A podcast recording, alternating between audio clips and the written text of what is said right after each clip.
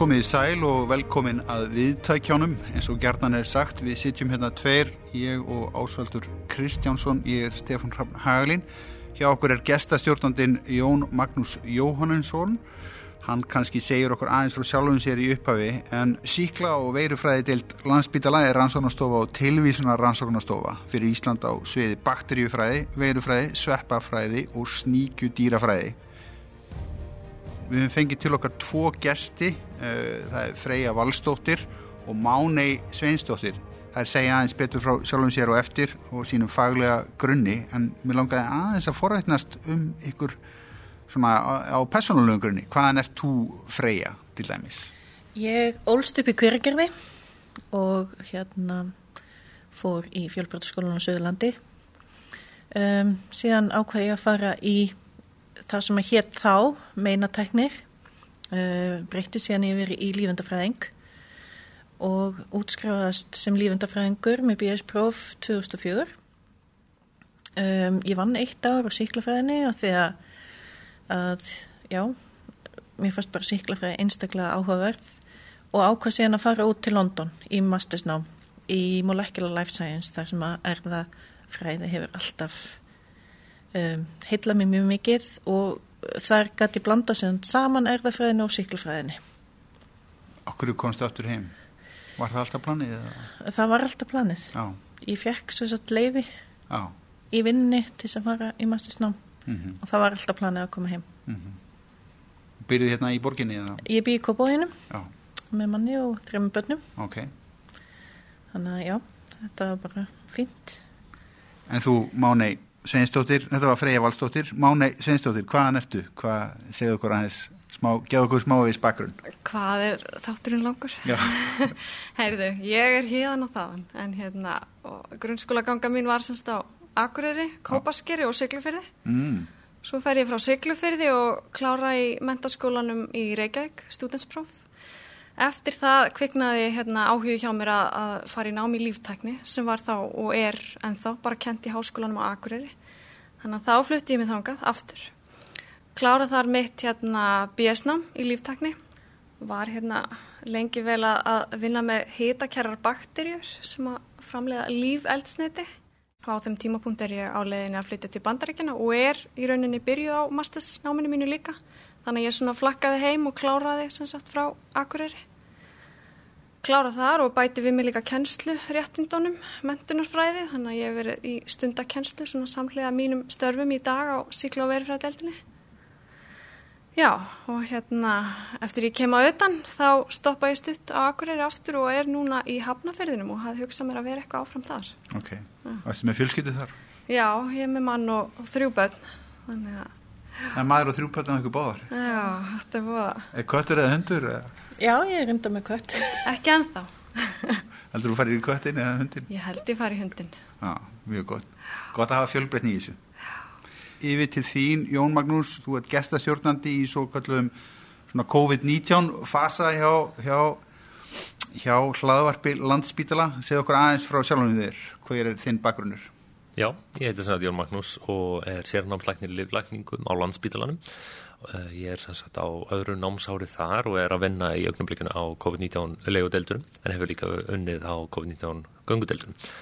Stefnum mín er sen að fara til bandaríkinni í sérnám og fer sem sagt ætla í smittsjúkdóm og lækningar og hef mikinn áhuga á bæði sjúkdómunum og síðan það sem orsak völdurum sjálfum eins og til dæmis veirum svo að þetta lág svona beinast við að geta rætt betur um þetta. Og síðan ertu líka með ástriði fyrir upplýsingamheilun og, og, og, og hlaðverfum. Ég reyna það, einmitt, það, hérna, einmitt á svona tímum þá er mikilvægi þess að uh, dreifa réttum og uh, nákvæmum en ennfremur skiljanlegum upplýsingum bara mjög mikilvæg. Svo, þannig, Greina histmi frá kjarnanum. Mm -hmm, mm -hmm. Jó Magnús, hefur ekki bara vind okkur í fyrstu spurningarnar? Endalega kannski, þetta er svona aðrið sem kannski beinist aðgjörð á báðum í rauninni um, ef við förum bara alveg að byrjuna reyð þessa faraldurs, svona hvenar fór að bera á því að þessi faraldur myndi hafa áhrif á starfsemna hjá okkur og já bara hver var tímalínan í rauninni? Sko, það voru náttúrulega allir bara frekar grunnlausir ef við spólum bara tilbaka að áramótanum, þú veist, þá voru að berast svona óljósar fregnir frá Kína, við vitum það öll og hérna og getum, já, ég get sagt fyrir því að hérna, við búum svo vel á, á veiruluta síklaverifræðildina það starfa hjá okkur tveir kynverjar, hjón sem eru búin að vera þannig um árabil, efnafræðingur og, og lífindafræðingur. Og við vorum svolítið svona fyrst að fá fréttir í gegnum þau, þú veist, þau voru að færa okkur svona einherja upplýsingar bara beint frá Kína og hérna. Og fyrstu dagana í janúar þá var náttúrulega ljóst að þú veist, það væri, það væri eitthvað í gangi og hérna þetta væri að breyðast út og og þá náttúrulega bara áttu við okkur strax á því að þetta væri eitthvað sem við erðum bara að leggjast, leggja fullan kraft í að undirbúa og vera tilbúin ef að þetta kæmi hingað. En hérna, þannig að það var bara svona eitt skrif einu. Þannig að við náttúrulega bara lögðumst yfir allar þar upplýsingar sem að Alþjóð og Helbriðistofnunin var búin að sapna saman og, og gefa út og hérna og við sem sagt eins og við kallum PCR gengið ásamt sérfræðilegnunum okkar þremur lögðumst yfir hvað væri búið að gera annar staðar í heiminum, hvernig próf væri verið að þróa og hérna hver væri svona besta leiðin fyrir okkur að fara. Þannig í rauninni bara í blá, kannski ekki blábyrjun í januar en svona annar viku januar þá, þá hérna fóru við á fullt í að skoða hvernig við ætlum að setja upp greiningapróf, hvað þýrst að panta mm -hmm. og svo framvegs. Það er svona í stutti máli. Mm -hmm og kannski árum fyrir mig síðan lengra einmitt í nákvæmlega það sem tengist þessara veiru uh, þú nefndir einmitt svona PCR-gengið og hvað er PCR? Í rauninni PCR er aðferð þar sem að þú ert að leita að einhverju ákveðinu í, í ákveðinu bakteríu eða veiru eða manni, það er svo sem skiptir ekki máli. Það er eitthvað ákveði svæði sem þú ert að leita að. Og PCR virkar sem þannig að við erum með við erum bara að leitum upp í þennan hluta og ef hann er til staðar að þá magnast hann upp þannig við sjáum í rauninni að hann er þarna. Í rauninni bara mjög sértæk aðferð til þess að nema erðaefni þess sem við viljum finna. Það getur verið hvað sem er þannig að við notum hérna, sér hannaða litla erðaefni spúta sem að ef við getum hugsað þetta eins og púslispil sem að passa þá við ákveð svæði þannig að við þurftum að velja okkur raðir sem að passa við ákveðin gen í þessari SARS-CoV-2 mhm, veiru. Mm -hmm. Svo verðum við rauninni að svarspurningunum þá er erðafni veiruna til staðar eða ekki. Já, já. Og svo það sem að gerist, þetta er náttúrulega, uh, við búum yfir gríðalega góðri svona tölvu og tölvutækni í sambandi við þessi efnakvörfa. Við getum síðan setið bara fyrir framann tölvuskjá og fylst með mögnuninni þannig að mm -hmm. ef að það er erðafni til staðar í þessu síni sem við fáum, mm -hmm að þá magnast það upp og, og fjölfaldast á gríðarlega hérna, bara í svona veldisvexti mm -hmm. fáum svona fallega kurfur. En það er náttúrulega eitt með PCR að í rauninni þar sem að sko við erum bara að leita að bút að erðaefni. Við erum ekki aðtuga hvort að sko það sem við erum að leita að tilheyri lifandi uh, veru eða ekki. Þannig að í rauninni sko þú getur verið búin að vera með til dæmis COVID er batnað en það tekur því samt svona það er eiginlega talað um svona fjóra til sex vikur eftir sko mismunandi veirum og bakterjum það tekur því alveg þennan tíma að skilja út erðaefnið þó þú sért ekki lengur í raunin með lifandi veiru mm -hmm. Mm -hmm. og það er um það sem við höfum verið að sjá hjá okkar sjúklingum hérna á Íslandi við erum kannski að fá síni úr einhverjum sem að síktist fyrir fjórum vikum síðan mm -hmm og við náum ennþá að finna nokkur eintök af veirunni í mm. síni sem er tekið langu, langu setna.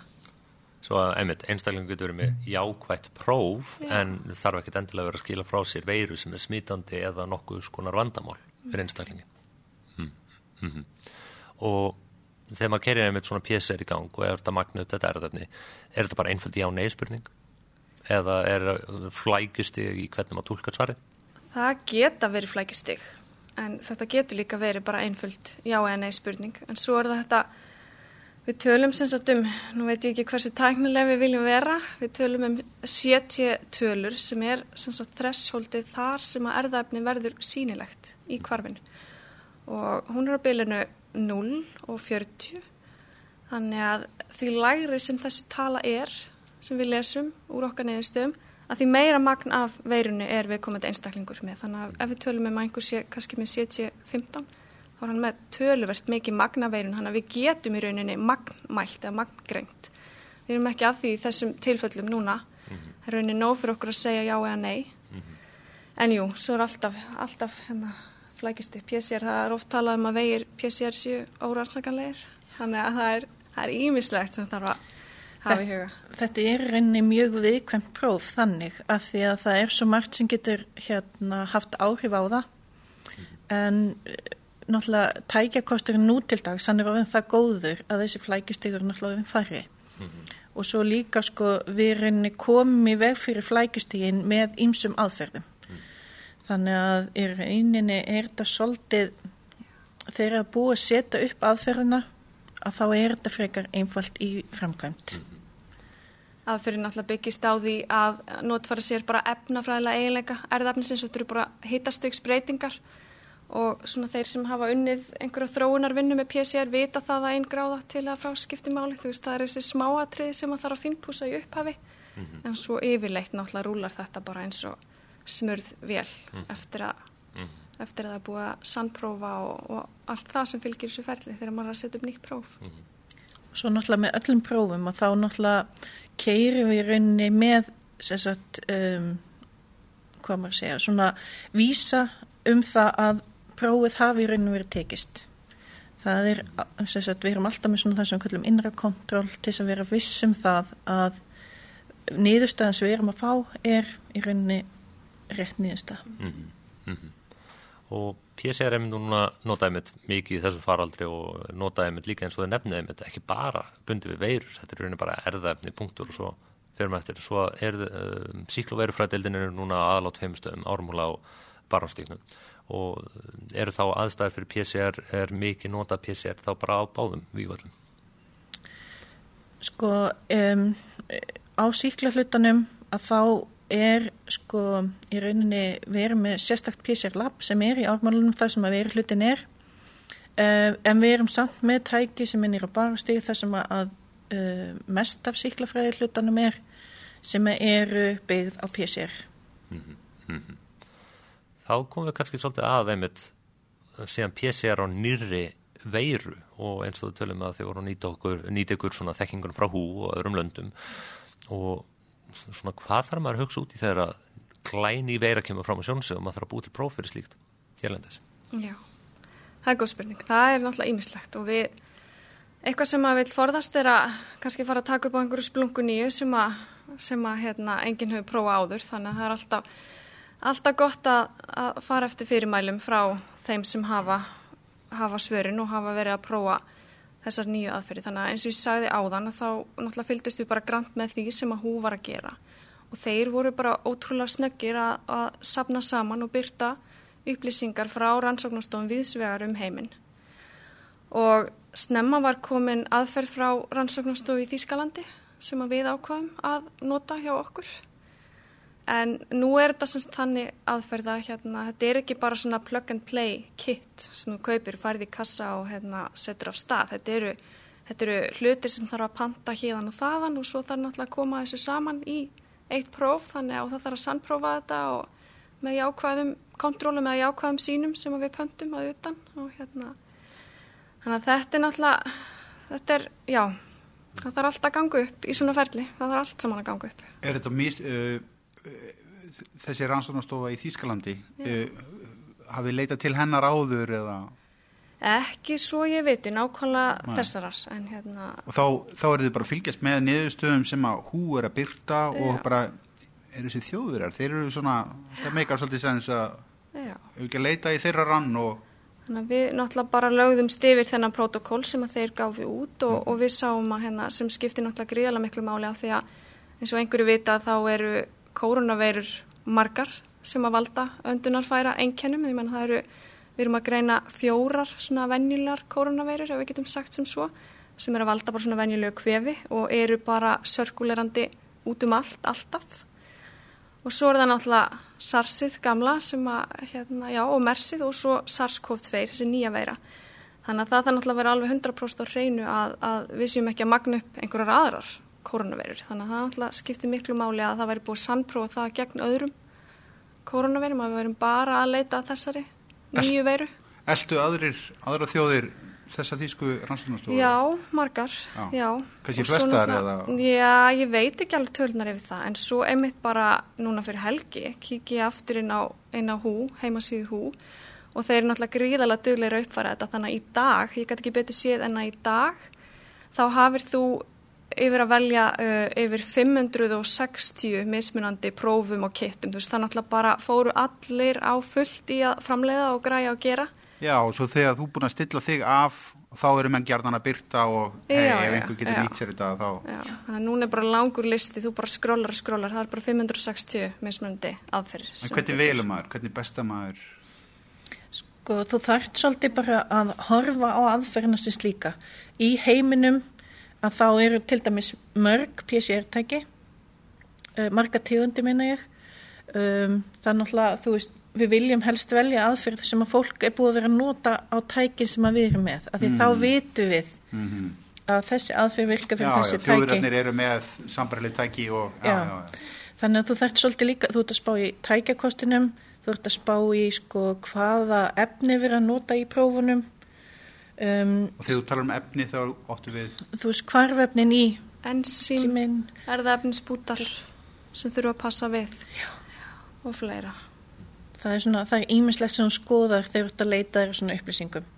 Hvað hendar mér á minni En rannsóknastofu? við, það skal kannski, við skulum taka það fram að við náttúrulega ákveðum að hafa bæði belti og axlabönd á okkur í þessu ferli þannig að við styðjumst ekki bara við þetta próf heldur erum við með svo kallar staðfestingapróf, svona backup og náttúrulega við tökum öll jákvæð síni og endur keirum þau til þess að fá staðfestingu að þau séu alveg 100% jákvæð.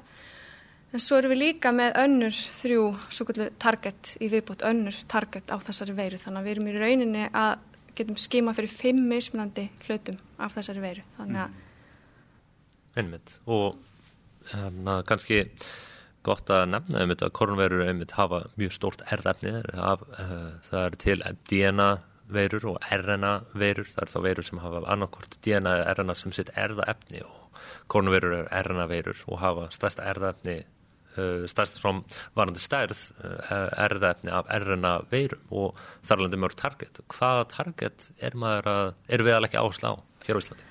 við erum að leggja áherslu á fimm mismunandi target og það sem við uh, skimum öll okkar síni fyrir er þetta svo kalla E-gene eða E-target sem er sem sagt hluti af veiru hjúpnum utanum hérna erðaefni veirunar. Svo eru fleiri target sem að, til dæmis eitt sem að kallast S og það var einhverju heyrt talað um þessi spike proteins sem að eru þau sem að einkenna þessa veiru, þetta er svona lit, litli gattar sem að stingast út frá veiruhjúpnum. Það er eitt af targetunum. Svo er annað sem kallast N sem er þá hluti af nukleokapsi veirunar sem að pakkast, sem er prótín sem pakkast utanum þetta RNA, erðaefni hennar. Svo er annað sem heitir ORF og já, N, S, hvað er búin að segja, E, RDRP notu við. Það er sem sagt enzím, þetta einstaka enzím þessara veiru, semst allar veirur, eins og þú nefnir veiru geta verið með erðaefni sitt á formi DNA eða RNA og allar veirur sem eru með erðaefni sitt á hérna, RNA formi, það er búa yfir einstökum enzímum sem að fyrirfinnast hverki annars þar í lífheiminum. Og það er líka partur af því sem gerir þessar veirur erfiðar viðregnar að hérna, þessi enzím hafa stökkbreyti tíðni og þannig að þessar veirur eru stöðugt að breyta sér og við erum endalist að elda skottið á þeim eins og við þekkjum með influensuna til dæmis. Þannig að og einmitt í svona tilfellum það sem eru mörg skot mörg og uh, svona uh, þetta eru prótín sem finnast einmitt í öðrum korunverum uh, er einhver hætta að ekki að mati að við séum mögulega að svona crossverka við aðra korunverur eða er nógu sértækt einmitt að skoða þetta þetta er SARS-CoV-2 Já. erðafni og ekki neitt annað já, við getum alveg verið viss um það. Alveg. okay. mm -hmm. Það er náttúrulega hluti af þróunaferlinu er það að við viljum vera viss um það. Þannig að það er hluti af þróuninni og í þessu tilvikið náttúrulega fórum Zoom þróunavinna að mestu til í, á þessari þýsku rannsóknarstofu.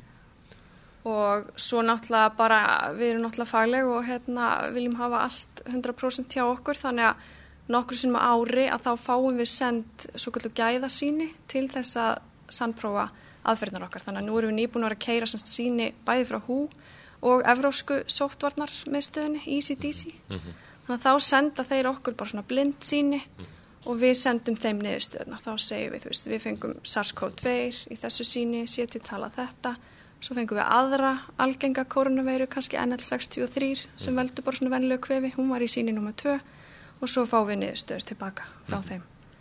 Þannig að það er svona gæða trygging fyrir okkar ferli. Mhm, Mjög gott. Og þá við einmitt svolítið að koma inn á þessu kallum sértæki prófa að, hversu líklegt er að við greinum bara SARS-CoV-2 og ekki neitt annað með þessum prófum. Uh, hvað þá um hinn eiginleika sem við, við í klíningu tölum oft um næmi prófsins sem sagt að ef að veiran er til staðar þá greinum við hana. Hversu gott er þetta próf því leitum til? Þetta er mjög gott próf og samkvæmt okkar upplýsingum þá eigum við alveg að geta numið neyri bara örfáar veiru agnir, bara leggum við talið þær á fingrum annar handar. Mhm. Þannig að næmið er mjög gott. Svo, svo lengi sem að veiran er ástæðanum sem við tökum sínu frá, þá eigum við að greina. Já, Og þá komum við svolítið að einu flækjustíð sem þessi vera náttúrulega eins og margar aðrar öndunfæri verur er að leggja fyrir okkur er einmitt sína tökku sem sagt, staðurinn í rauninni og ha, hvernig hefur svona reynslan ykkar verið á einmitt svona þetta próf hversu ofta er jákvætt eftir mismandi stöðum sem við tökum sínið Við, við náttúrulega hefum verið svolítið að lendi því einmitt að sjúklingur hann greinist jákvæður og svo greinist hann neikvæður og svo greinist hann jákvæður. Þannig að það þarf að vanda til sínatöku og hérna Sýnatakan skiptir já gríðalega miklu máli. Algengast er að taka strók úr bæði nefnkóki og, og munnkóki, já, hálsi. Háls og nefnkókstrók, kvöldum við það, en hérna stundum er það tekið sitt í hverju lægi. Stundum fáum við hálsstrók, stundum fáum við nefnkókstrók og það hefur sínt sig að nefnkókstrókin hafa verið að koma aðeins betur út, en þess vegna viljum við alltaf fá bæði. Tveir svona sínatökupinnar í sama glasið. Svo hérna hefur það líka sínt sig að þessi veira á það til náttúrulega að fara bara mjög djúft ofan í öndunumfærin þannig að við höfum alveg séð dæmi um það að háls- og nefnkókstrók hefur komið neikvætt út svo fáum við dýbra síni úr viðkomandi berkjuskól og þá hefur það komið alveg blúsandi jákvætt. Mm -hmm. þannig að sínatakan skiptir gríðarlega miklu máli. Og einmitt komst líka gott að komst inn á að með einmitt stökkbreytinga náttúrulega veirur í eðlusin og sérstaklega RNA veirur stökkbreytast mjög hratt.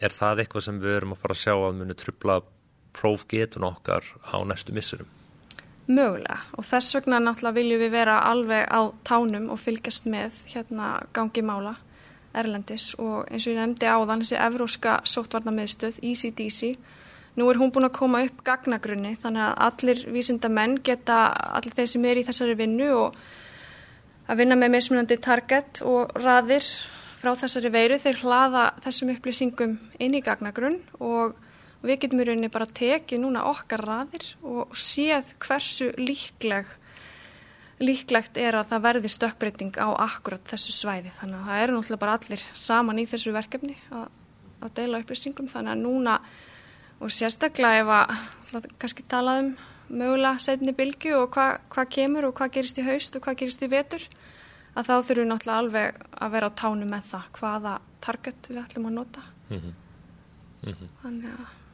Og endalega þessi, þessi markbreytileiki veirunar gerir það verkum að er það ekki, að það er flóknar að þróa bólefni gegn henni og það er það, já já, Þannig að það verður auðvitað bara spennandi að fylgjast með því hvernig gengur hjá fólki út í heimi. þess vegna fara menn varlega í spátumum um hvenær það komi einmitt. það er alveg bara svona frá hausti og bara svona upp í, na, tvö ár Já, einmitt. Já. Já, ég meina venjulegt ferli tekur náttúrulega gríðarlega langan tíma en núna er náttúrulega bara, eru allir að leggjast á árar og Mhm. róa að sama markmiðinu þannig að það er kannski eitthvað, eitthvað svona staða sem að maður sér ekkit alltaf í vísindaheiminum stundum er bara samkeppni í gangi og, en núna held ég þetta sé svolítið sameilegt markmið ef maður svona hefur það á tilfinningunni. Náttúrulega þeir sem eru með björtustu hérna spána um að vera að koma með bólhefni í haust, það eru hérna vísindamennin í Oxford sem voru að reyna að búa til bólhefni gegn SARS. Já, já, já, voru þess að kannski langt á við komnir þannig að Já. út af, út af svipaleganum Já, en hérna, svo náttúrulega, þú veist, við- ma- maður veit ekkert hvað gerist, maður veit ekkert hvað þessi veira gerir. Nei.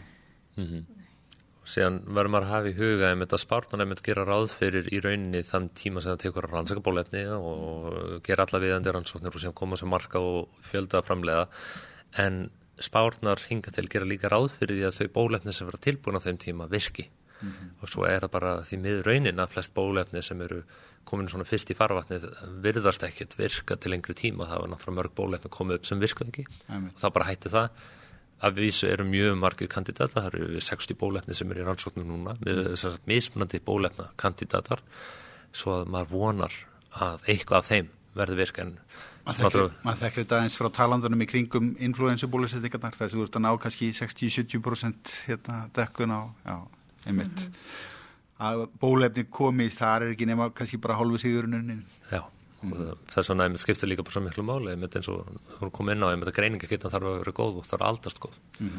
Örstuðt um, um, um, um, um, bara fyrir forðisakir, hvað er þessi þýska rannsónastafa? Í hvaða borg hún? Ah, heyrðu, nú fórstu alveg með mig. Ég bara, Rakið ykkur og gæt. já, já, Ok. hérna, mér langar að segja Berlín. Já, eða sko, mér langar að spyrja aðeins um praktikina, hérna, bara þannig að fólk skilji sér hlutverk íslenskar erðagreiningar inn í þessu verkefni öllu. Þú Veist, hvernig, hvernig kemur það samstarf til, hva, hva, hvað pikka þeir upp, hvernig virkar þetta? Sko, náttúrulega, eh, Káririnn bara bauð fram aðstóð sína Já, snemma í faraldrinum. bara snemmi í faraldrinum og hugsunin var þá að hann myndi kannski verið mitt að sjá um sko fólk sem að væri úti í samfélaginu. Meira held og við myndum þá kannski einbílína meira á sjúklinga þar sem að fólk er orðið veikt. Já, Já, um, svo náttúrulega sko hann náttúrulega fekk upplýsingar Já, já, hann sendi fólki sitt á rannsóknarstofuna til okkar og við aðstofum þau við að, að koma aðferðinu upp og já, hvað var að segja? þau eru með sambarilegan búnað í Vasmýrinni að Svipaðan búnað. Já. Þau eru náttúrulega með aðeins öfluri tæki sem taka fleiri sín í einu heldur en við en hérna, já, en samt sem að, já, Já, já. áþekk. já, já, já, já, já. þekk. Og hvernig, hvernig þróaðist þessi samvinna? Hún, er, ertu að meina bara, Já, við erðagreiningu, þú veist, hvernig þeir, þið takið, held þetta áfram svona, þið værið fyrst og fremst í veikum og þeir voru í samfélaginu og, þeir hérna, já, bóð, semst buðu fólki bara upp á að hérna, bóka tíma hjá sér já. og fengur svo jákvæð síni og hérna, náttúrulega eru búin að ræðgarina alveg fjöldan allan af sínum frá einstaklingum sem hafa verið jákvæðir. þetta samspil, er þetta ákjósanlegt eða hefðu þið viljað hafa þetta hjá ykkur allt saman eða hluta eða hvernig sjáu þið þetta? Það eru auðvitað bara góðar og, og mjög gaglegar upplýsingar sem hafa fengist út úr þessari ræðgreiningu og hérna eins og við að fjallum við náttúrulega höfum komið í vakið aðtikli í heimspressunni víða og erum náttúrulega bara lítið land og, og búum yfir þessu stóra og mikla tækifæri að geta tækla þennan faraldur á þennan hátt sem við erum búin að gera þannig að til hafa orðið gríðalega miklar upplýsingar um Við faraldsfræði erum náttúrulega í einhverju hlutfalli, við erum í einhverju 40-50 sínum og, og, og 360 manna þjóð, þannig að þetta er nú svolítið uník. Það var alltaf útsíða sko að, að við litla einingin á síkla og verifræðdelt landsbítalans, við hefðum aldrei geta farið út í svona viðtaka skimun eins og Kári kaus að gera. Þannig að við náttúrulega bara, eins og ég sagði áðan, við vissum ekki á hverju við áttum von og svo hérna, ef við reykjum okkur aðeins tilbaka, fyrsta smiti greinist þannig að 28. februar, ef ég mann rétt og boltinn byrjar að rúlla bara svolítið hægt svona í viku eftir það. Síðan rennur það upp fyrir okkur að hérna, við eigum von á bara ansi mörgum sínum og þetta gerist alveg rosalega hrætt. Þannig að áður en að við vitum af, þá eru við farin að fá eh, síni inn á deildina til okkar í hundruðatali á dag meðaltal, ég var að rýna í tölur í gær og ég gæti ekki betur síðan að meðaltalið í dágóðan tíma voru 550 síni á dag sem við vorum að móttaka sem að er alveg gigantísk hérna, gigantíst magn ef við miðum við venjulegt árferði hjá okkur og, Venjuleg vinnudagur, hvað eru mörg? Ég veit ekki hvað ég á að segja 30, 40 kannski strók þú veist, svo náttúrulega ekst þetta í influensu faraldrinum og þá er hérna vinnutímin aðeins lengdur en, en, En verst það fer bara samt upp í 50, 60, 70? eða- Já, já, já, já. Þannig að við náttúrulega bara, og það var ótrúlegt hvernig þetta gekk í þessar vikur sem að ástandi var sem vest hjá okkur. Dýrmætt þá að hafa að- gott bakland í, í vísindarsamfélaginu í öflugum líftekni fyrirtækjum eins og erðagreiningu og... náttúrulega sko fjarlagðin á milli allra hérna, hún er svo stutt. Það þekkir alltaf ykkur ykkur það er í ég held í öðrum löndum þá er sko fjarlagðin meiri. Og ég held það að ef ykkur býður fram aðstóð til dæmis þessu í bandaríkinum það þarf að fara svo langa leið áður en hún er samþygt að meðan sko, þú veist, Kári hann getur bara að tala við fórstjóra sem að sko, sem tala við ráðherra og, já, og já, þú veist, þannig að þetta er inni miklu styttri leið Stuttar leiðir.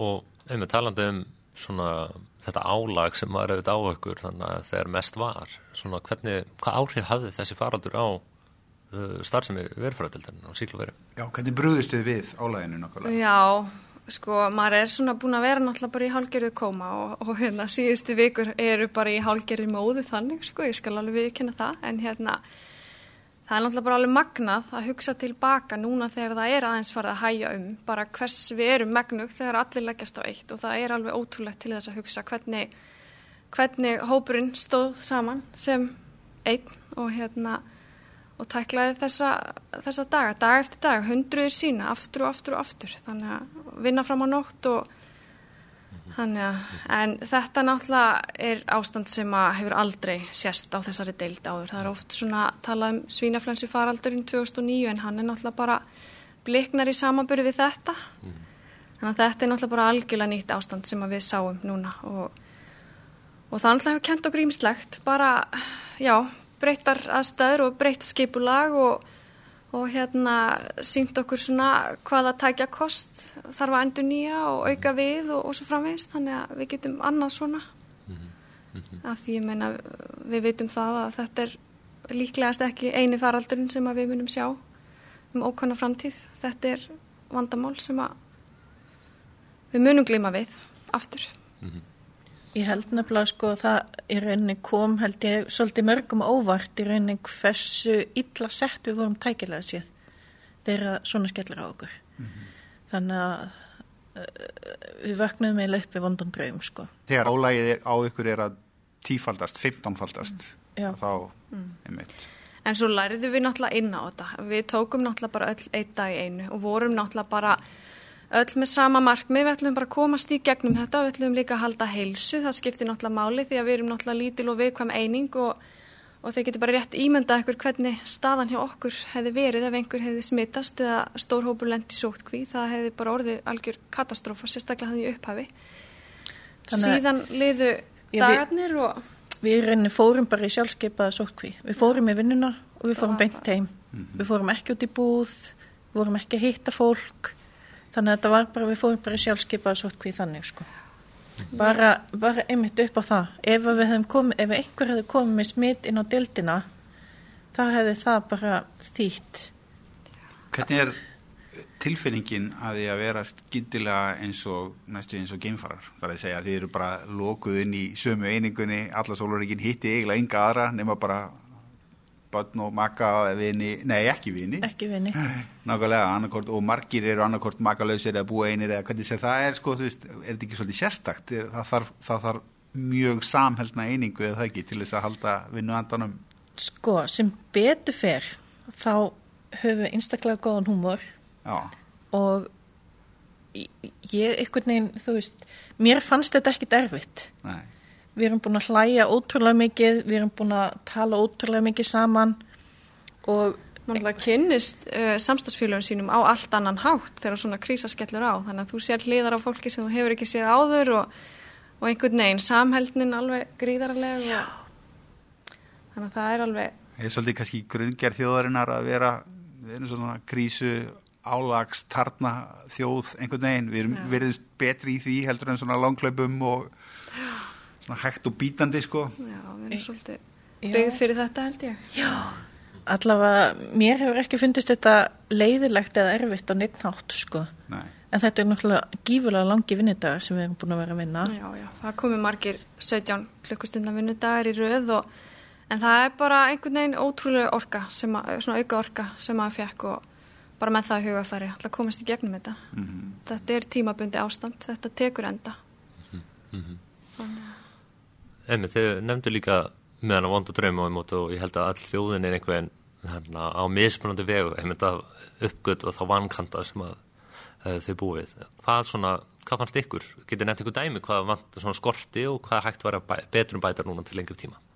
Hvað var það að tækja kost? Já, með, með, með, Já, er gott að fá einkaupalista bara já, já, við skulum senda hann bara strax eftir. tú-tú, svona óska Sko, eitt af for, forstigum þessa ferlis er sem sagt þegar við fáum síni úr sjúklingum er að einangra erðaefnið úr sínunu. Og við sem sagt komist að því að tækja kosturinn okkar, einangrun að tækin okkar, þau voru ekki gerð fyrir faraldur af þessum toga. Það sáum við bara strax. Þannig að þar lá flöskuhálsin okkar. Algjörlega. og við erum svo sem það heppin að núna bara í þessum tölu orðum erum við komið með eitt stort einangrunatæki þannig að við getum tekist á við svona faraldur þegar og ef þannig að já það er Þannig eitt að það er búið að bæta úr því Það var verið að setja það upp bara fyrir helgi og við erum bara að fara að fá kennslu vonandi í dag. okay. Þannig að Fleiri tæki, Mjög. græjur búna Hvað Já, og svo bættum við við sem sagt einu svona ABI fasttæki sem er tæki sem að sér um að keira PCR hvarfið áfram. Þannig að nú erum við með fjögur slík tæki sem að hvert fyrir sig tekur 96 sín í einu. Hvarfið er sem betur fer bara mjög hraðvirt. Við klárum þá innan við klukkutíma, þannig að um leið og ein plata er komin í tækið. Þannig að þá eru komin að niðurstöður, þannig að þetta er svona ákveðin forvinna sem þarf að vinna. En svo er prófið sjálft, ekki, það tekur ekki langan tíma. við ættum í rauninni sko um leið og við erum komið með sínið í hús þá ættum við geta verið búin að gefa svar svona á 3-4 tímum Ef við erum að tala um, já, Já. örfá sín, svo náttúrulega um leið og massin ekst að þá, já, Ég var ræðið aðeins mönnuna, hvað er þið mörg og hvað þurft að bæta við og hvaðan kom það fólk og... við erum sem sagt með uh, deildarstjóra yfir lækni, við erum með þrjá sérfræðilegna og svo erum við rúmlega 20 náttúrfræðingar og lífendafræðingar samtals. Þannig að þetta er, og þá er ég að tala um sem sagt veiru hluta, síkla veiru frá deildarinnar. Svo er starri hópur nýra baránstig. En hérna, já, þannig að þetta er frekar lítil eining og við viljum náttúrulega hafa það í huga að þegar þessi COVID-faraldur skellur á, þá frestum við ekkert öðrum verkefnum sem að við þurfum að glíma við daglega. Við erum að keira alla aðra rútínu. Það er ennþá smá nórófaraldur í gangi þegar að COVID-ið skellur á okkur. Það er ennþá influensufaraldur. Við fáum náttúrulega mænuvögva, við fáum blóð, við erum að greina livrabólgur og veist, við erum náttúrulega að halda áfram með okkar daglegu rútínu vinnu og svo kemur bara COVID ofan á það. Þannig að við getum ekkert sett eitthvað til hliðar. Hvað með uh, svona jákvæð áhrif af, af svona samkomiðbanni og, og, og svona takmarkanir og fjölda og annað slíkt? Það lítur að hafa jákvæð áhrif, er það ekki á fjölda smita og Jú. sýkinga í samfélaginu? Við sáum það náttúrulega influensu faraldurinn í ár og, og þessi, þessi típiski RS faraldur eins og hjá börnum. Já. Að hann varði í rauninni hvorki fjöldinni fiskur svona með að við hvernig hann hefur verið oft áður og það er náttúrulega bara samkomubannið og, og auknar sóttvarnar aðgerir sem að gera það að verkum að, að margt annað dettur niður. Þurfum við þá að, að, að vera með viðvarandi samkomu, samkomu bann til þess að hækka lífaldur þjóðarinnar meðalaldurinn? Loka allir bara á er spurning, en ég hugsa að hérna, við séum eitthvað sammála um það að það verða varanlegar breytingar í hegðun allra. Já, er það ekki bara til- jákvætt, vitund Já. og annað slíkt? Já, já, ég held það það Sprittun, mátti náttúrulega margt breytast. Ég meina, fjarlægð. það fólk voru- hættir kannski að mæta veikt í vinnuna það Já. væri góð tilbyrðing já, Það er fólk svolítið væri ekki svona- hóstandi með hór og kvef í kringu hvort annað það er svolítið svona Íslendingurinn. Æ, ég er bara að harka það mér og... ég er Já. ekki með hita ég er ekkert með svo mikla beinvirki ég er að fara að mæta En við höfum nú sem betur fyrir lært það inn á okkar deild að hérna, þú ert ekki mæta veikur í vinnuna. Það er náttúrulega bara, Já. þá ertu heima. Þú ert þá að bera verðingu fyrir náungunum. Þú vilt ekki koma að smita einhvern annan. Nei, nei. En það er svona hugafarsbreyting. Þið eru náttúrulega mjög nálagt öllu sko, þannig að en ég er bara svona að tala um vinnustæði almennt sko. og það eru náttúrulega kannski líka gleymist í þessu sko, þú veist að ég hugsa hundruði starfsmanna landsbytala eru búin að vera heima meir og minna í tó, tvo mánuði í heimavinnu þannig að það hefur nú líka haft áhrif Já. vantilega eitthvað eitthvað mannskap líka Já. á deildinni samt ekki, ekki mjög margir sko en það er það náttúrulega er svo margir í handsón Já. kannski ekki margir í skrifstofunni Nei, það er ekki margir í skrifstofinni. Og svo náttúrulega, sko, það reynda kom ekkert upp á veiri hlutanum en það komu sér sagt um, um, aðtök upp á síkla hlutanum þar sem að fyrst þurfti tveir einstillingar að fara í sókví sem betur fyrir örðu kóru veikur og svo kom veik manneska í vinnuna þannig að það þurfti að fara í sótkvíð þar. Við náttúrulega áttum okkur því þegar að þetta skellur á okkur að hérna, við þurftum svolítið að fara að verja okkur fyrir utanakomandi aðilum. Við gáttum ekkert verið að hleypa hverjum sem er inn á deild. Nei. að því að oft einhvern veginn halda flestir að þeir þurfa að varast okkur sko, við erum að vinna á síkla og verifræði deild og, en hérna, það, í rauninni er það öfugt. Þannig að við vorum náttúrulega og erum venjulega alltaf á þessum tíma ársins februar og mars með fulla deild af nemum, lífendafræði nemum, læknanemum og, og fleirum og það þurfti því miður bara að klippa svolítið snögglega á það því að við náttúrulega gátum ekki tekið áhættuna að einhver myndi byrja smitt inn á deild til okkar með tilhengandi afleggingum.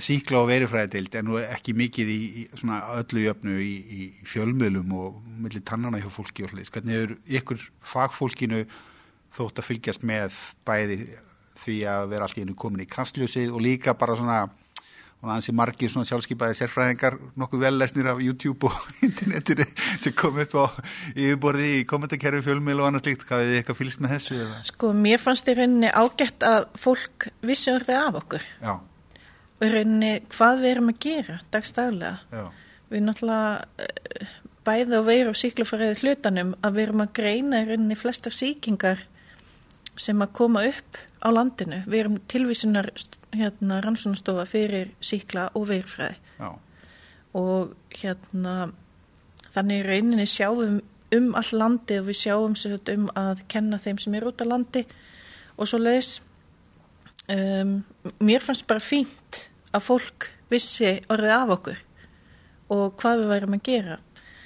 Um, með sjálfskeipaða sérfræðinga út í bæ að þá stundum hristum maður höfu svolítið mikið en því kannski bara leiði þetta hjá ykkur. Já. Já, við leiðum okkur þetta mikið hjá okkur sko, Já. en hérna já, já En það er auðvitað bara hefði ákvæðast að mála svona þeir sem að eru að vinna á bakvið tjöldin kannski fái smá aðtikli og fólk gerir sér grein fyrir því bara hvernig hlutinir virka hvað upphafspunkturinn er og, og hvernig ferlið er þannig að og náttúrulega einmitt eins og eins og þau komið inn á náttúrulega bara þetta er veiru faraldur, heimsfaraldur sem eru vegna veiru og ég meina ef að greinum vandan ekki þá, já, þá gerist ekkert. Nei, Nei. svo það, þetta er óbrjótanlega hlekkur einmitt í svona bara viðbröðum okkar við veiru faraldur og bara öllum faraldur mm, einmitt var það svona skipilagsbreytingar einmitt síðan til lengri tíma einmitt tölum að margt breytist núna og svona margt í skipulæðin einmitt mátti betur um bæta. Hvað áhrif mun þetta hafa á skipula síkla og verifræðdeldina til lengri tíma? Hef, hefur þetta einhver áhrif? til lengri tíma um, sko við náttúrulega bara tökum einn faraldur í einu og tökum honum bara þegar hann kemur. En hérna svona þegar þessi, þessi alda lægir að þá hérna höldum við bara áfram inn í okkar óbreyta vinnu skipulag, ger ég ráð fyrir. Já, kannski ekki, hafði kannski ekki svo mikil áhrif á skipulagi, það var nú kannski alveg bara mönnun og tækibúnaður Já, og... Já, En það sem ég ætla að segja á það nefnitt í þessu ferli og þegar að sínin fór að rannast inn hana, og þegar við fórum að upplifa fyrstu hundraða dagan okkar að þá náttúrulega sáum við hvernig álægi var. Þannig að við fórum innbyrðis bara sem hópur að skipta okkur álægi var minnst á modnana, svo gerðist það að hérna alla sínatökurnar hjá heilsugjastlunum, þær fóru að rannast inn setnipartin þannig að Við tölum um svona jólasveinapoka sem að koma í hús kannski klukkan 5, þá komum menn bara með svarta stóra sekki á bakinu fulla af sínum, kannski klukkan 5 eða 6 og hérna við sáum að það náttúrulega gengi ekki. Þannig að stjórnendur fóru að tala við yfir menn helsugjastlu og hérna og þessu var styrt bara í réttan farveg en við svona eiginlega skiptum deildinu upp í tvo hópa eftir þetta þannig að og líka bara upp á þá ef það kæmi upp svo stað að einhver þyrft að fara í sótkví þannig að við svona reyndum eins og við gátum að skipta okkur upp í, í tvo flokka Þið farið þá í raun og veru frá 8-4 yfir í kvöld og helgar og nætuvaktir? Já, við vorum að vinna háru nokkra einstaklingar gerðnan fram á nótt og hérna náttúrulega öll kvöld alveg langt fram á kvöld Mhm. en Allar þannig að. Þannig að við Allar fórum helgar, að já. hérna, já, allar helgar. En hérna við fórum að, að láta suma mæta bara setna þannig að kom kannski hópur í hátdeinu af því það var rólur á mótnana þannig að en eins og ég segi, svo þegar þetta dettur niður núna þá ger ég ekki ráð fyrir öðru en að við bara dettum inn í okkar gamla vinnuskiplag en hérna En svo var auðvitað gott að hérna geta tekið inn hluta af síkladeldinni, eða síkla hlutanum. Já, við náttúrulega vorum, við erum hvað fjögur sem að fórum bara beint inn í PCR hópin og ég veit ekki hvað eru margar sem að fóru bara inn á veru, veru hlutan bara í, að, í sína hyrðingu, í um, hérna, innritun á sínum, þú veist, alls konar svona forvinu. En í venjulegu árferði þá eru semst fjórir einstaklingar sem að sinna þessari PCR vinnu á deildinni en ég veit ekki hvað við höfum farið kannski upp í 12, 13, 14 núna, allir á fullu. Af því að við vorum líka skipt okkur, sko, þannig að við værum ekki alveg að keira okkur út, sko. Og svo náttúrulega fann maður það bara hversu mikil samhældnin var og hversu allir voru bónir og búnir að hlaupun tilbaka og vildu bara virkilega hjálpa. Og hérna sem dæmi má nefna náttúrulega bakvarasveitinnar þannig að við tókum líka inn fólk nokkra einstaklinga úr bakvarasveitum náttúrufræðinga og lífindafræðinga þannig að það var bara mjög kærkomið viðbót. Fá hjálp við ímisverk inn á deildinni. Hvernig þetta nám náttúrufræðin, lífindafræðin og teng, tengd fög, er, er góð ásókn í þetta, er, er góð endur nýjun? Það mætti vera betri endur nýjun í lífindafræðinni allavega, veit ég. Um, Ég held sko, lífendafræðin er að mörguleitri kannski nýtmiðari að spítalavinnu heldur en sko líffræðin sem þú ferði eða ætlar að vera náttúrufræðingur mm -hmm. eða lífteknin að því að þú ert svo mikið einblýna á um, rannsóknarvinnu inn á spítala. Já.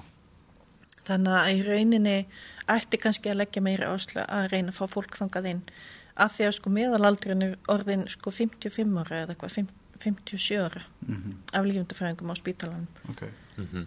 og uh, einmitt, kannski um, út af því að manni finnst oft að vanta svolítið þekkingum þetta uh, bara mjög stutt svona hvað er í rauninni í eðlisinu lífundafræði? Lífundafræði er rauninni bara um, þú ert í rauninni bara að læra um rannsóknir á uh, öllu sem að við kemur manninum hvort sem það er erðaefni blóð um, síklafræði, veirifræði, um, meinafræði. Mm -hmm. Mm -hmm. Það er einni bara maðurinn í lífi og dauða, sko. Mm -hmm. Svo farveðinir eru mjög margir einmitt í lífandfræði. Já, mhm. og mhm. þú getur einni bara algjörlega stilt því inn á þitt áhersvið. Mhm. Nú, uh, er, er sterkt líf, líftækni námið á, á, á Akureyri já. að þú varst þar? Já, það er það, það er gríðalega upplugt og hérna hefur verið að sækja sér veðrið og já. núna er hægt að velja um nokkra mismundi línur meðal annars heilbreyðis líftækni mm. sem var ekki komið reyndar þegar ég var í mínu námi en komið í dag þannig að þetta er bara gríðalega spennandi kostur. Heldur að ég er snúa aftur, snúa þér aftur að elsneitinu eða? Ég efast um það, stórlega en maður veit náttúrulega aldrei hvað gerist. Mm. -hmm. Hendum okkur aðeins á, á fræðilega típið á nýjanleik Jón Magnús, þú lögumar á einhverju. Já, uh, sem sagt þegar við tökum í rauninu efri öndunumfæri síni þá eru við vanlega bara svona, það er alltaf bara að panta þessi öndunumfæri panel fyrir helstu öndunumfæri verum. Og nú eru við komið með í rauninu nýja sem að hegða sér auðvitað allt öðruvísi en eru einhverja vanguveltur um að þetta verði bara til yngri tíma hluti af öndunumfæri panel hjá okkur að leita bara að öllum öndur fara að vera með influensu, parainfluensu og síðan SARS-CoV-2. Já, það er alveg möguleiki sem að bara kemur til greina. Mm -hmm. Við vitum náttúrulega ekki alveg hvað verður en hérna þessi hefðbundni öndun að færa panel okkar eins og hann lítur út í dag þá eru það 12 mismundi öndun að færa veirur sem við erum að keira og hérna þannig að SARS-CoV-2 er 13. í rauðinni og við vorum, sem, við vorum búin að vera með koronaveirur á heilanum núna alveg í langan tíma áður en þessi faraldur skellir á vegna þess að við vorum nýbúin að innleiða fjórar algengar koronaveirur í panelin okkar. Það mm. gerðist bara, við tókum það bara í nótkun í januar. Mm -hmm. Þannig að það allir svona smá miskilningi þegar að við greindum þær veirur í ákvar og læknandi fór að senda út svör að þá fengum við nokkur símtöld tilbaka svona í paniki hérna. Er þetta nýja koronaveiran sem að... Það var bara fyrir tilvílunni undirbúningi? Uh, í rauninni, já, þetta er náttúrulega búið að vera í, í farvatninu í langan tíma og stóð til að bæta þessum veirum inn í panelin okkar vegna þess að við veitum að þær geta verið ábyrgar fyrir 15 uh, til 30% af svona það sem við kallum common cold eða bara almennu kvefi Þannig að það er ótrúlega frustrerandi kannski þegar maður sér síni og, og sögu einstaklingsins, öll einkennin og þetta og þú fær neikvætt úr öllu og þá hugsaður kannski, ó, er þetta kannski, það getur verið kórnuvera. Þannig að, þannig að við fögnum því mjög að vera komin með þær inn í panelin. En ef að, eins og þú segir, ef að SARS-CoV-2 kannski, það verið tekinn svo ákvörðin að það verið hluti af panel, að þá náttúrulega bara þarf að fara í gang smá þróunarvinna, fínpús og annað í sambandi við hverfin okkar. Þannig að Verða einhverjar breytingar á líka aðferðunum sem þau eru að nota fyrir PCR á næstu vikum eða mánuðum eða held að þessi bara koma með svona að minnskast í bíli þar sem að það dögur ykkur. Já, ég hugsa að það verði nú engar stórvæla breytingar í nánustu framtíð. Ég sé það ekki fyrir mér. Nei. En það þarf náttúrulega bara að fylgjast líka með hvað er að gerast út í heimi Mhm. og við náttúrulega gerum það. Það er bara hluti af bæði okkar áhuga sviði og vinnu. Og þessi PCR vinna er náttúrulega bara þannig. Við erum endalust á tánum, við erum að skoða greinar og allt það nýjasta og eins og við rættum áðan, þessar blessuð RNA veirur, við erum alltaf að elda skottið á þeim vegna þess að við náttúrulega búum okkur undir það að þær stökkbreytist og, og hérna, þá þurfum við að aðlaga okkar vinnu að þeim. Þannig að Hver er síðan ykkar svona aðkoma að mótefnamælingum síðan sem að eru alltaf í farvatninu og svona vera að þróa og um allan heim og allir að tala um. Hver er það, er, eru þið eitthvað að sjá um það eða er það ónæmisfræðin, hvernig skiptist þetta? Það erum við, en hérna þetta er allt saman sem að er bara í svona umræðu ferli núna og er ekki komin neinn skýr niðurstaða með, en það er mikil óvissa í sambandi við allar þessar mótefna mælingar. Þannig að þetta er eitthvað bara sem er í mótun akkurat núna. Akkurat. En, en jú, við gerum vissulega mótefna mælingar á deildinni hjá okkur og fyrir mörgum öðrum veirum. Og hvaða svona flækjust þið séu þeim með fyrir varðandi akkurat þessar mótefnamælingar með við kannski mótefnamælingar sem þau eru að sjá fyrir aðra eins og lefurbólku B og allt svona það sem eru svona við notum mest mótefni fyrir. Hvað er svona, hvað flækir hlutina þess fyrir okkur? flækir náttúrulega bara hlutina að við veitum ekki hérna, hvernig þessi mótefna svörun og, og uppbygging er. Við, Það er bara held ég ekki þekkt með þessa veiru akkurat núna þannig að fólk veit ekki við hverju það á að búast og nú eru náttúrulega bara mismunandi próf í þróun og vinslu þannig að það þarf líka að velja það besta sem er í bóði Mm -hmm. þannig að það er ímis flækjustig. Og hversu lengi og hversu mikið af mótefnum myndast og ég menna, ertu varin, ertu ekki varin, farið þetta aftur eða ekki, það er það eru svo margar spurningar. Þannig að Það er bara mjög gott að sjá þér í undirbúinisfasa því að einmitt kannski margir eh, um allan heim hafa kannski farið rosalega hratt í að þróa þessi próf og nota þau þegar við vitum einmitt lítið sem ekki neitt. Svo það er mér finnst bara miklu betra að flýta okkur hægt og hafa rétt próf fyrir en að flýta okkur mikið og vera með uh, niðurstöðu sem getum ekki treyst. Mm, nú svona frá ykkar svo bara svona faglega sjóna með er eitthvað sem að kemur ykkur á óvart með þessa veiru eða er eitthvað sem að þau eru að læra, læra nýtt í tengslu við svona viðbröð ykkar við veirum eða er þetta bara í rauninni business as usual í sjálfsir, bara í meiri mæli Nei, þetta er náttúrulega, þetta er náttúrulega nýtt og hérna, við höfum náttúrulega séð það bara á síðustu vikum, það er alltaf að koma nýjar og nýjar upplýsingar, þannig að maður svona vissi ekki alveg hvort fótinn maður átt að stiga til að byrja með og hérna, og hún hefur svo sannlega komið á óvart þessi veira, ég held að við getum öll verið sammála um það. mm -hmm. Mm -hmm. Þannig að þær eru náttúrulega bara margslungnar og, og mögulega einhver tíman hafa vísindamenn sopnað á verðinum í sambandi við þess að blessu koronavirur. Þannig að það er bara, þá að þróa viðbragð og próf og annað slíkt skimanir og fleira gagvart þessu eða þannig að það er náttúrulega gríðalega mikill lærdómur sem verður tekin út úr þessum faraldri fyrir alla. og nýtist þá í fleiri faraldra eins og margt ve- vegna SARS og MERS sem að nýtist þótt löngum, mörgum ára setna núna í þetta Einmitt. Þetta er náttúrulega á alveg nýju leveli, það sem við erum að glíma við í dag. Meira bara forvitinspurning svo núna hefur einhver verið að rannsaka kórnuverur hérna á Íslandi, hafið einhverju hugmynd um það? Ekki svo ég viti. Nei, ég Nei. þekki ekki Mhm. til þess. Það er, mitt, er líka bara, það vantaði mitt í rauninni. Þetta En nú, var er, svona, en nú er ábygglega áhugi sem að kveiknar á mörgum stöðum hjá mörgum, þannig að Mhm. það verður mikill þungi lagður á. já. og ég held einmitt að við sem alls ekki einn heldur að hafa ekki verið að greina þess kórnverur í efra öndurfærum, ég held að bara margir hafa verið að vanmeta mm.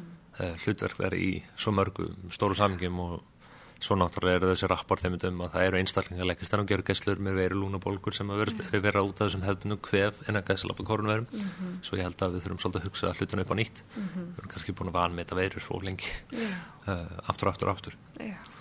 -hmm.